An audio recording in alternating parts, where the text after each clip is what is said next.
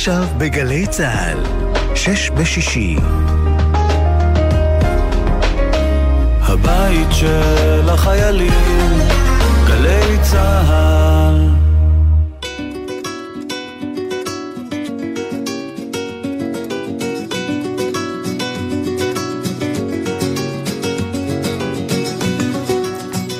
טוב, תודו שזאת uh, מוזיקה של שישי בערב, נכון? עם הגיטרות האלה.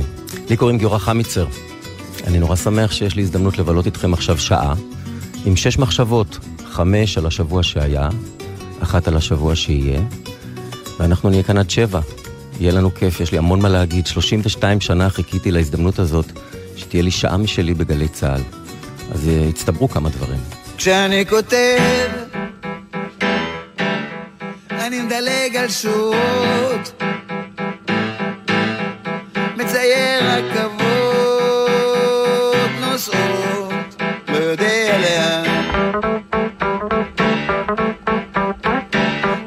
כשאני קורא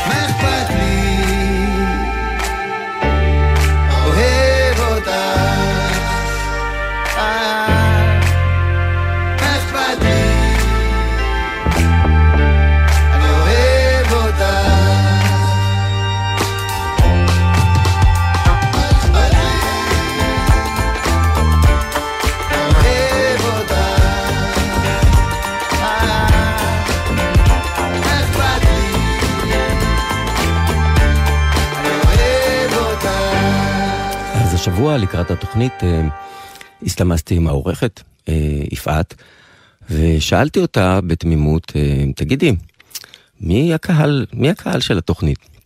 וענתה לי בכנות, אין לי מושג. והאמת שנזכרתי שגם כשאני הייתי בגלי צה"ל, בתחילת שנות התשעים, לאף אחד מאיתנו לא היה מושג מי שומע רדיו. מי באמת המאזינים שלנו. מדי פעם מתפרסם איזה סקר, ואף פעם לא ידענו עד כמה הסקרים האלה באמת נכונים. אה, וזה די מדהים לחשוב שנגיד אם ביונסה מחר מוציאה איזה סרטון לטיק טוק, ויש לה 20 מיליון צפיות, היא תאורטית יכולה להגיע לכל אחד מה-20 מיליון האלה, ולדבר איתו ולראות איך הוא נראה. ברדיו זה פשוט לא קורה. וזה אולי הקסם הזה של הרדיו, שאתה באמת לא יודע למי אתה משדר. אבל כשאני הייתי אז בגלי צה"ל, אמ, הרדיו היה אחר לגמרי.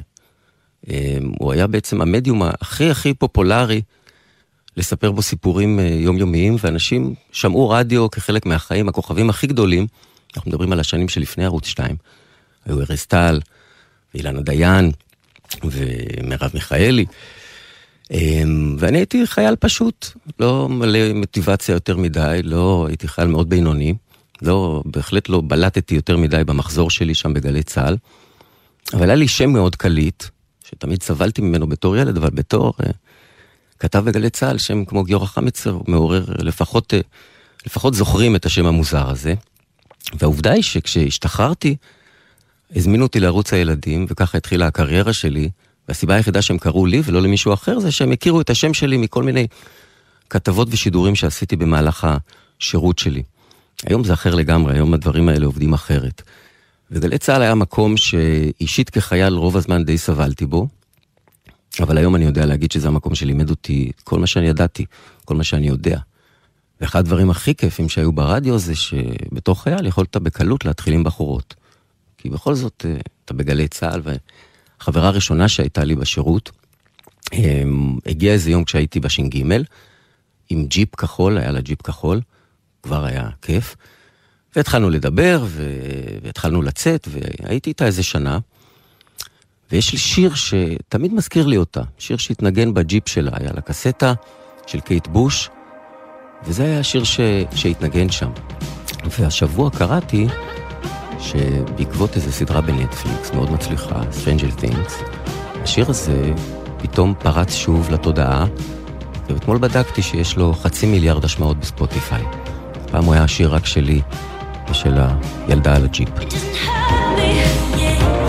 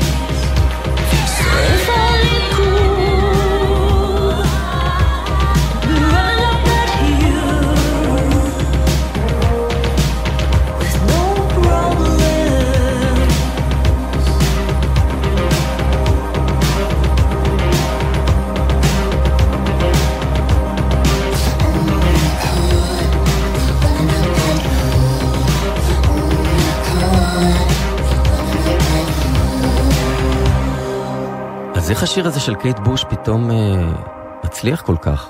מה בסך הכל עשו איתו?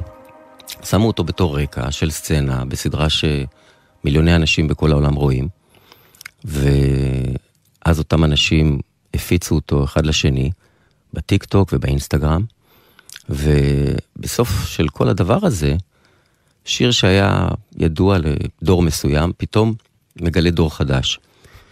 והרגעים המופלאים האלה זה רגעים שבסדרות שלי אני תמיד מנסה להגיע אליהן.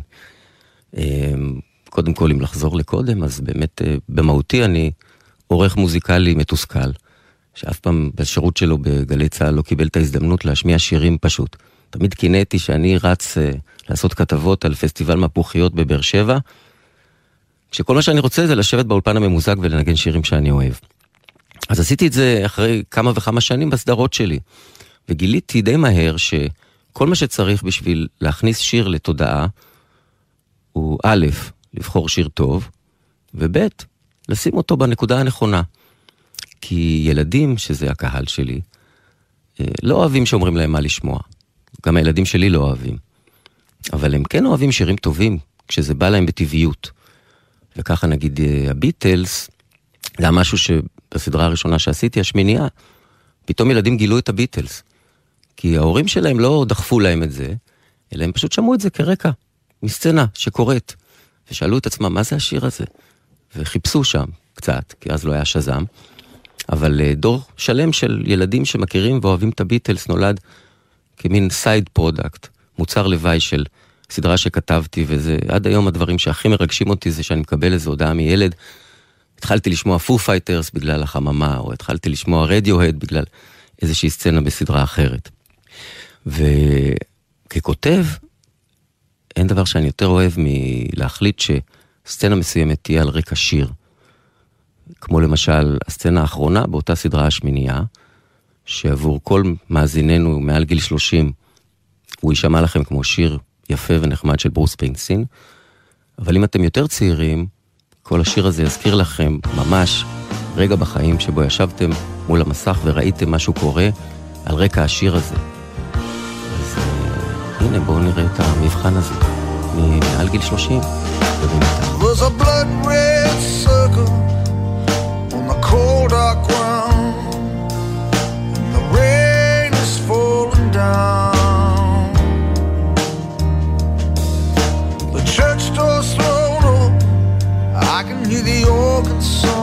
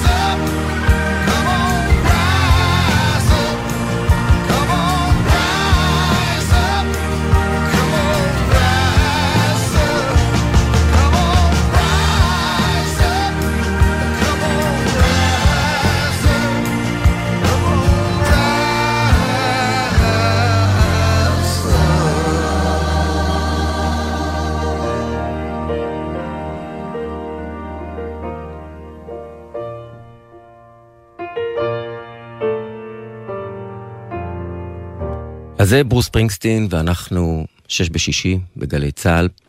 אמ, השבוע יצא לי להיתקל, לשמחתי, בפודקאסט, שאגב גם נוצר פה, בתחנה הזו, פודקאסט של גלגלצ שנקרא האלבומים הגדולים, שבו אמ, ירון שילון, שהוא בדרך כלל במאי, יושב עם אה, מי שמלווה אותו שנים והוא אותו, שלמה ארצי. ובכל אחד מהפרקים הם מדברים על אלבום אחר של שלמה. ויש משהו מדהים בפודקאסט הזה.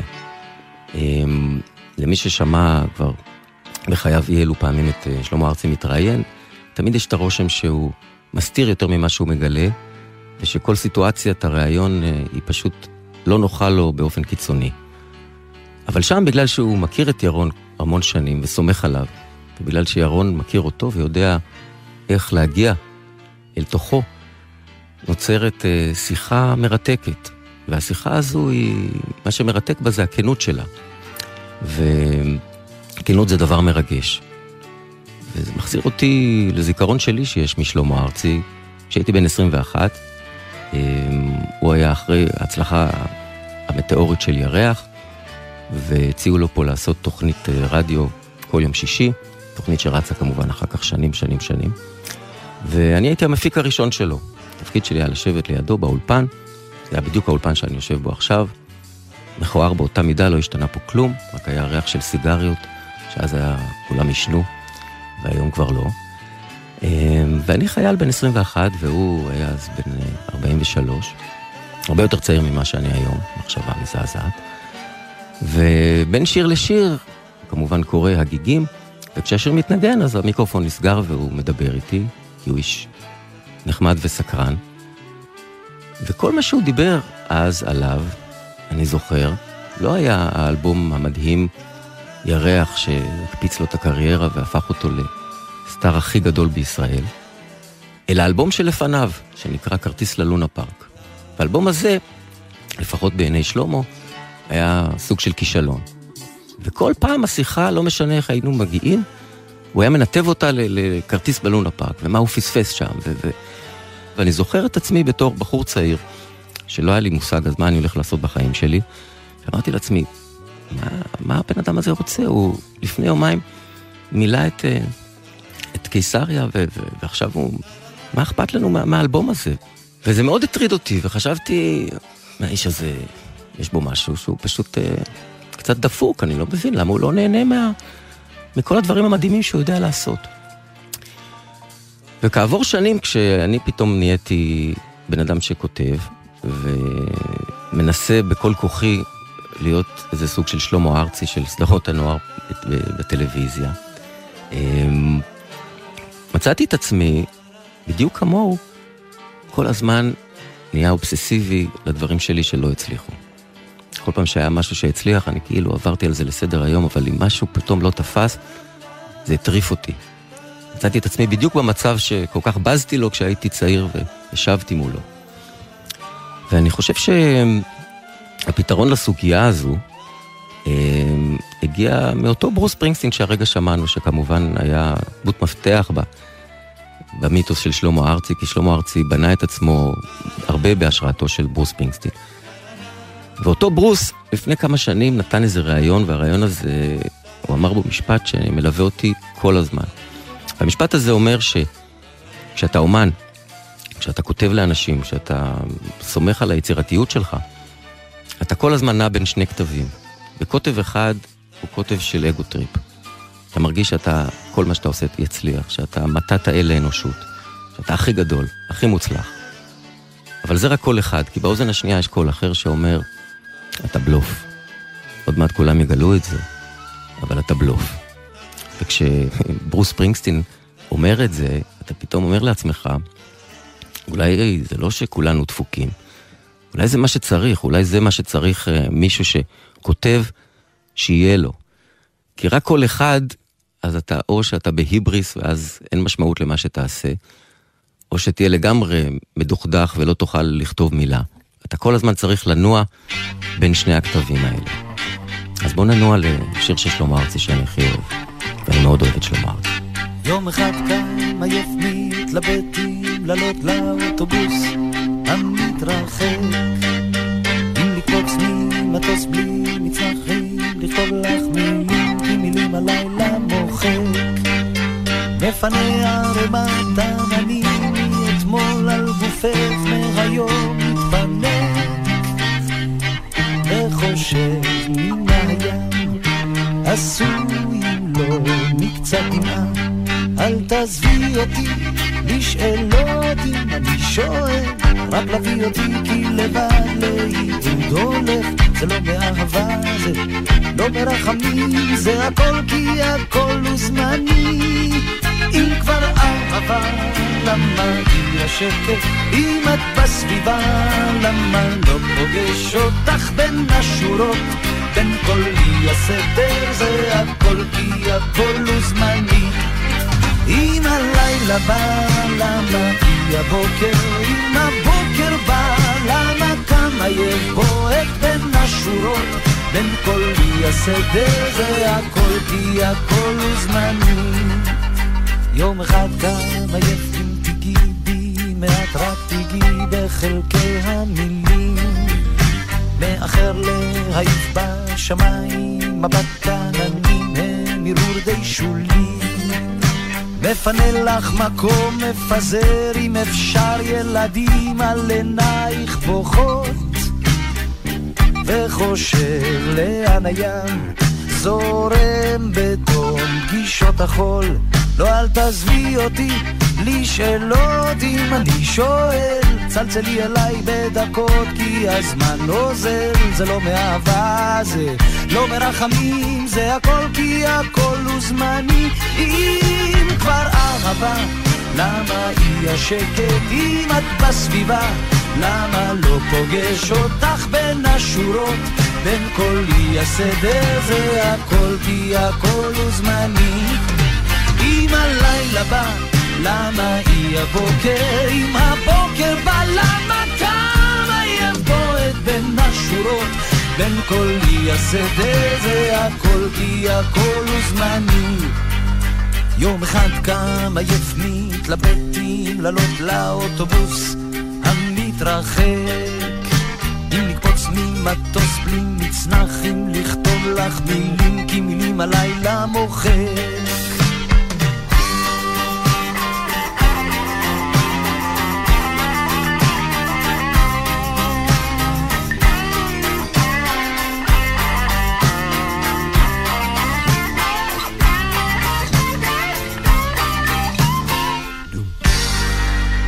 היום, בדיוק לפני שבוע, היינו בחופשה משפחתית בדרום. חופשה שבגלל שאני עובד כל הקיץ, לא היה לי אפילו זמן לבדוק אה, מה בדיוק הפרטים שלה. שמחתי שיש הזדמנות לצאת מהעיר, להיפגש כמה משפחות, לעשות על האש, ובאמת בארבע אחר הצהריים, ביום שישי שעבר, ישבנו כולנו על גדות הבריכה בקיבוץ צאלים, כשלפתע מעלינו התחילו לחוג אה, מטוסי F-16. אני מודה שאפילו לא קראתי את הכותרות בימים שלפני ולא היה לי מושג שיש מתיחות. והדבר הראשון שעשיתי זה להסתכל באינטרנט מה קורה והבנתי שהייתה התנגשות. והדבר השני שעשיתי זה להסתכל בגוגל מפס איפה בכלל אני נמצא, כי זה לא אזור שאני מכיר. וראיתי שאנחנו נמצאים 30 קילומטר מעזה. באותו זמן, כמו כל ישראלי שלמד אה, דבר או שניים על איך הדברים האלה עובדים, היה לי ברור איך יראו השעות הבאות. אמ, ופחות או יותר הבנתי שהחופשה, כמו שהיא תוכננה, כבר לא תקרה. אבל אנשים שהיו איתי עדיין אה, סרבו להאמין שזה המצב. אבל אה, שעתיים אחר כך באמת הגיעה פקידת הקבלה של בית הערכה, בידה מעטפה, ובמעטפה היה את כל הכסף ששילמנו לה כמה שעות קודם. והיא אמרה, תקשיבו, הבריכה נסגרת והיא גם לא תיפתח מחר ולא תהיה ארוחת בוקר. ואתם היחידים שנשארתם כרגע במתחם, אבל uh, אתם יכולים להישאר אם אתם רוצים. זה היה קצת מצחיק. Um, ומה שקרה אחר כך הייתה שיחה שיכולה הייתה לקרות רק במקום משוגע כמו ישראל. יושבות שלוש משפחות ודנות מה, מה לעשות. ומחשבות את הזמנים של הפשרת הסטייקים אל מול הזמנים של uh, תגובת הג'יהאד.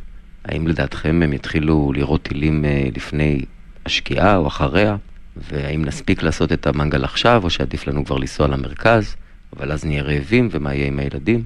ושור אינף, אחרי חצי שעה כבר היינו ברכבים, בדרך צפונה, כשמולנו חולפות בכביש משאיות ענקיות של צה"ל, מובילות מים ודלק לפעולה שעומדת להתרחש. ובאמת אה, מטח הטילים הכל כך צפוי התחיל בדיוק אה, כשהגענו לגוש דן, ואת הסטייקים הטעימים אכלנו כשאנחנו מסתכלים אה, בחדשות, ולכולם הייתה הרגשה, כמו לכל ישראלי במבצע הזה, שאנחנו כבר יודעים את כל הדבר הזה מראש. פעם מלחמות היו דבר מפתיע, נוחתות עליך בלי שאתה מוכן. היום אתה כבר יודע את התסריט הזה מראש. יודע בדיוק מה יקרה מתי, מה יהיו התגובות. אתה לא מתרגש כבר משום דבר, כי אתה יודע בדיוק מה יקרה. כמו סרט שראית המון פעמים ואתה יודע בדיוק מה תהיה בסצנה הבאה. אבל אה, איזה מזל שהסרט הפעם היה קצר יחסית. עד לפעם הבאה. הנה אלון עדר ודניאלה תורג'מן, בשיר מקסים שכתב להם נדב הולנדר. פתאום. פתאום הרגשה ברורה, חותכת כמו שירה. מזל שחיכיתי עד היום.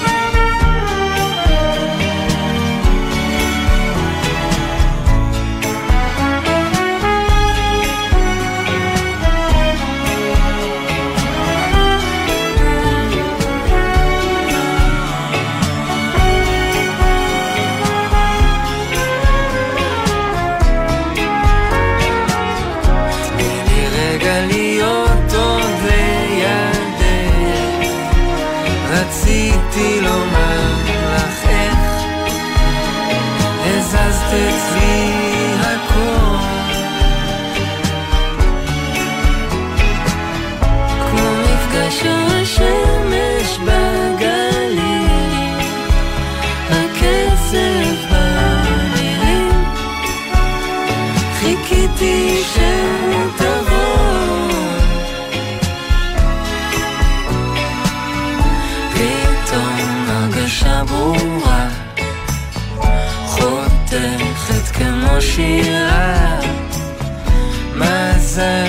מזל שחיכיתי עד היום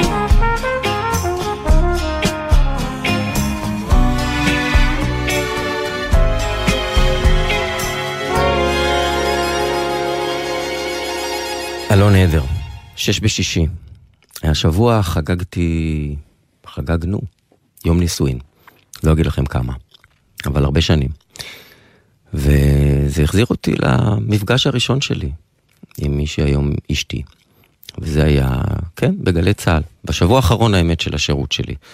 אה, היא הגיעה להיבחן, היא צעירה ממני בארבע שנים, והיא איכשהו ידעה מי אני ופתחה בשיחה, וראיתי כי טוב, והשגתי את הטלפון שלה, כי היא באה לפה להיבחן, ונהיינו זוג. והיינו זוג משהו כמו שנה, ואז אה, היא כבר הייתה חיילת באותו זמן, ואני הייתי בדברים אחרים, וכמו שקורה לפעמים, זוגות מתרחקים, ונפרדנו. הייתה פרידה קשה עבורי. ואחרי כמה חודשים טובים עשיתי פה מילואים והגשתי איזה תוכנית אה, בידור כזאת בבוקר, ובסוף שלה שמתי שיר, אני לא חושב שאפילו חשבתי למה ואיך שמתי אותו, זה פשוט שיר שאני אוהב. ומי שהייתה בת הזוג שלי, שמעה את התוכנית הזו. והשיר הזה נגע לליבה והיא צלצלה על התקליטייה של גלי צה"ל ובררה מה השיר, כזכור, לא, לא היה אז שז"ם. ואיכשהו דרך השיר הזה חזרנו להיות בקשר. ולמרות שהשיר הזה הוא כולו שיר של כאב ופרידה והדברים שמפלחים שני אנשים והופכים אותם מזוג ללא זוג, למרות הכל, השיר פרידה הזה, שהיא במקרה שמעה ברדיו, איכשהו החזיר אותנו יחד. ואנחנו יחד עד היום. אז מסתבר שלפעמים שירי פרידה יכולים לעשות uh, גם דברים אחרים. השיר קוראים uh, Breaking Us in Two, שובר אותנו לשניים, וזהו ג'ו ג'קסון. Don't you feel like trying something new? Don't you feel like breaking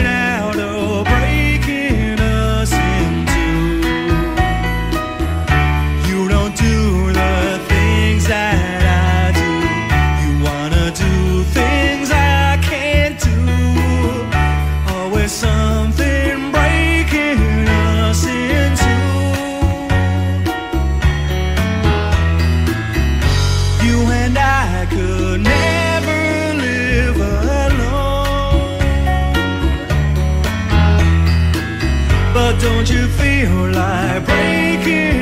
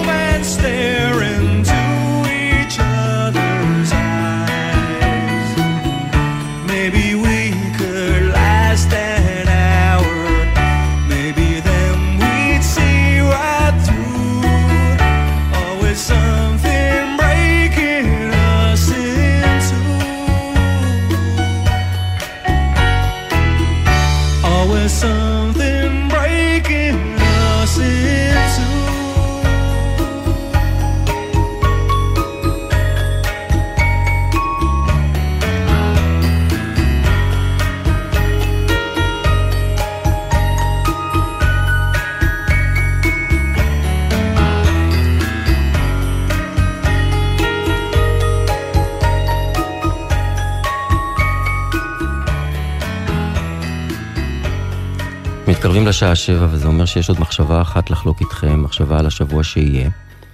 אני בקיץ הזה מצלם אה, סדרה ברחובות תל אביב. סדרה שהתחילה בכלל בתור ספר. התחלתי לכתוב אותה לפני כמה שנים, כשלא הייתה לי דווקא סדרה לכתוב בטלוויזיה, מין תקופת יובש כזו. ואמרתי, אני רוצה לכתוב ספר בלי שאף אחד יהיה לי על הראש, בלי שיקולי תקציב, בלי הפקה, בלי שאני צריך למכור את זה להוט או ל-yes או ללא יודע למי. וכתבתי פשוט ספר, ואמרתי, איפה אני אמקם את הספר הזה? אני אמקם אותו ליד הבית שלי. אין לי כוח לעשות תחקיר אה, יותר מדי גדול, אני מכיר את השכונה, מכיר את העיר שלי, ואני אכתוב ספר על אה, שני ילדים שהם בלשים בתל אביב. והספר הזה שהתחיל בתור משהו חצי לעצמי וחצי לילדים שלי, שהייתי מקריא להם כל יום פרק, איכשהו נהיה סדרת ספרים, ולא מעט ילדים אה, קראו אותה. ולשמחתי, השנה ביקשו ממני להפוך אותה לסדרת טלוויזיה. וזו באופן מפתיע, הסדרה נוער הראשונה, סדרת ילדים ונוער שממש מתרחשת בתל אביב. בדרך כלל מצלמים את הסדרות בכל מיני מקומות כאלה, פריפריות, כאילו פרברים, מקומות לא מזוהים, מושבים. אה, לא, אנחנו מצלמים ממש בתל אביב. אה, ובשבוע הקרוב נצלם ארבעה ימים רצופים בסמטה פלונית. סמטה פלונית היא רחוב שמי שקרא את הספרים כבר יודע שהוא מרכזי לסיפור של רוני ותום. אה, אבל מי שלא בתל אביב לא מכיר כל כך את, ה, את הרחוב הזה, שיש בקצהו אריה, אריה מאבן. ובעצם מה שאני מנסה לעשות uh, בסדרה הזו זה להראות לילדים שלא מכירים כל כך את תל אביב. שתל אביב היא עיר שאולי מבקרים בה פעם בשנה, או מכירים את הדיזינגוף סנטר ואת uh, מגדלי עזריאלי ואת חוף הים, אבל את. הדברים, הסודות של תל אביב, זה משהו שאני הולך לגלות להם פעם ראשונה בסדרה הזו. וכשאני תמיד מגיע לאותה סמטה פלונית, שכבר בניתי סביבה סיפור שלם, אז בראש שלי יש את ה image של התקליט של אריק איינשטיין ויוני רכטר, שהוא בעיניי התקליט ילדים הכי מדהים שאי פעם עשו בארץ. ובתמונה הזו רואים את אריק איינשטיין, הדבר הכי תל אביבי שאי פעם היה ויהיה, כשהוא משחק, מקפיץ כדור ליד אותו אריה מאבן. ומכיוון שעכשיו שישי בערב, כל הסימנים מראים על זה שמחר יהיה שבת בבוקר. אז שבת בבוקר זה שיר שהוא כמו גלידה. אתה לא יכול אה, לשמוע אותו ולא לחייך ולהיות מאושר.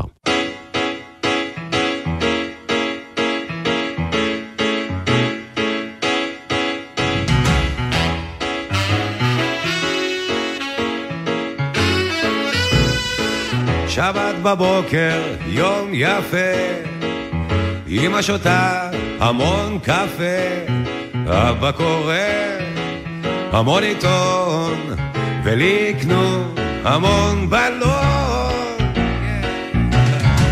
שבת בבוקר, יום יפה, אמא שותה המון קפה, אבא קורא המון עיתון, המון עיתון, ולי יקנו המון בלון. אפשר ללכת לירקון ולשוט שם בסירה. או לטייל עד סוף החור ולשוב בחזרה.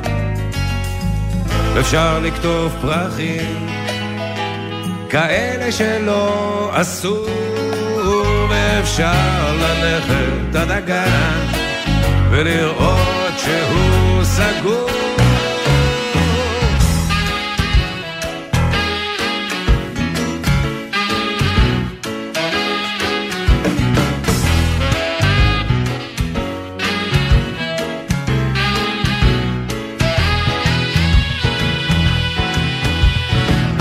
אפשר ללכת לירקון, לשוט שם בסירה, או לטייל עד סוף החור ולשוב בחזרה.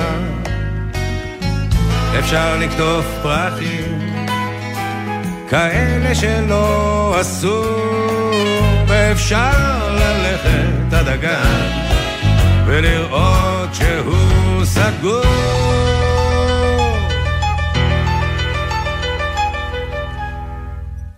שבת בבוקר, יום יפה.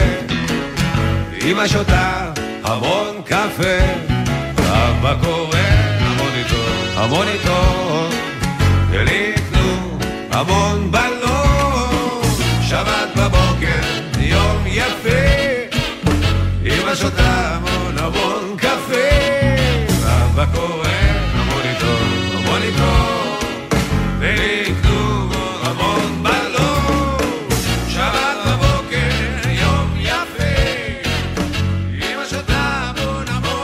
אז זה היה שש בשישי, והיה לי מה זה כיף. עם יפעת גלר העורכת, ועם עומר נותקביץ' המפיק, ועם יאלי הראל ונדב דור הטכנאים, ואיתכם, מי שלא תהיו. אז uh, הנה סטיבי, ואני גיורא חמיצר אומר לכם, סוף שבוע נעים, ונתראה בקרוב.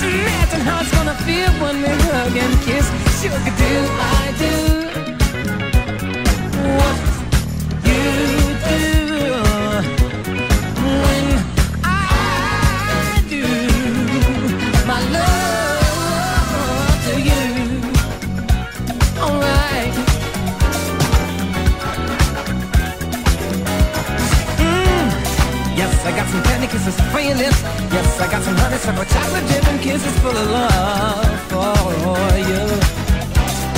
Yes, I got some yannick and some free lips. Yes, I got some honey, some chocolate dip and kisses full of love for you.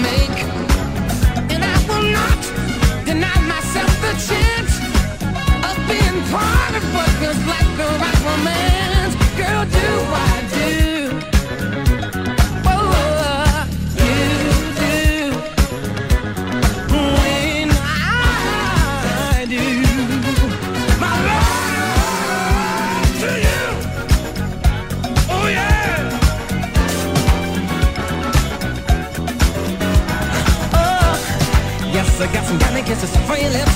Yes, I got some honeysuckle chocolate dip and kisses full of love for you. Oh, yes, I got some candy kisses for your lips. Yes, I got some honeysuckle chocolate dip and kisses full of love.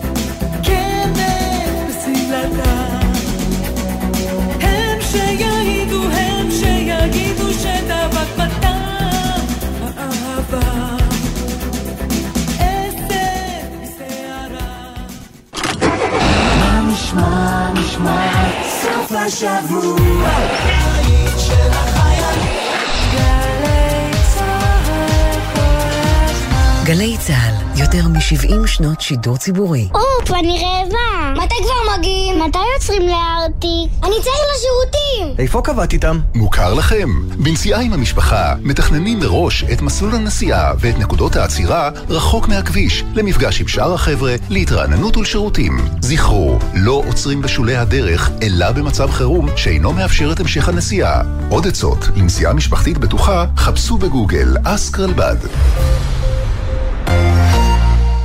סוף השבוע מתנגן לי בגלי צה"ל. הלילה ב-10, בן רוטשטיין ויאלי הראל בתוכנית מיוחדת על מוזיקת שוליים ישראלית. ב-11, יפעת גלר ורועי מרקס חוגגים שלוש שנים לצאת האלבום שירי מרפסת.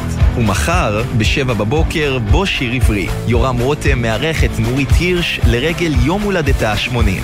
ב-2, הדרן, מירי מסיקה בפסטיבל מדיטרנה. סוף השבוע מתנגן לי בגלי צה"ל.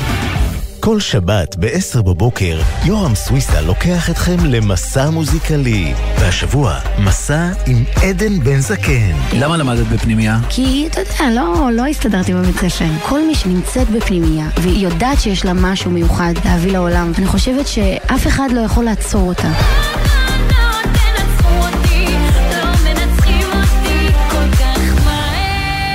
מסע עם יורם סוויסה, מחר 10 בבוקר, ובכל זמן שתרצו, באתר וביישומון גלי צה"ל.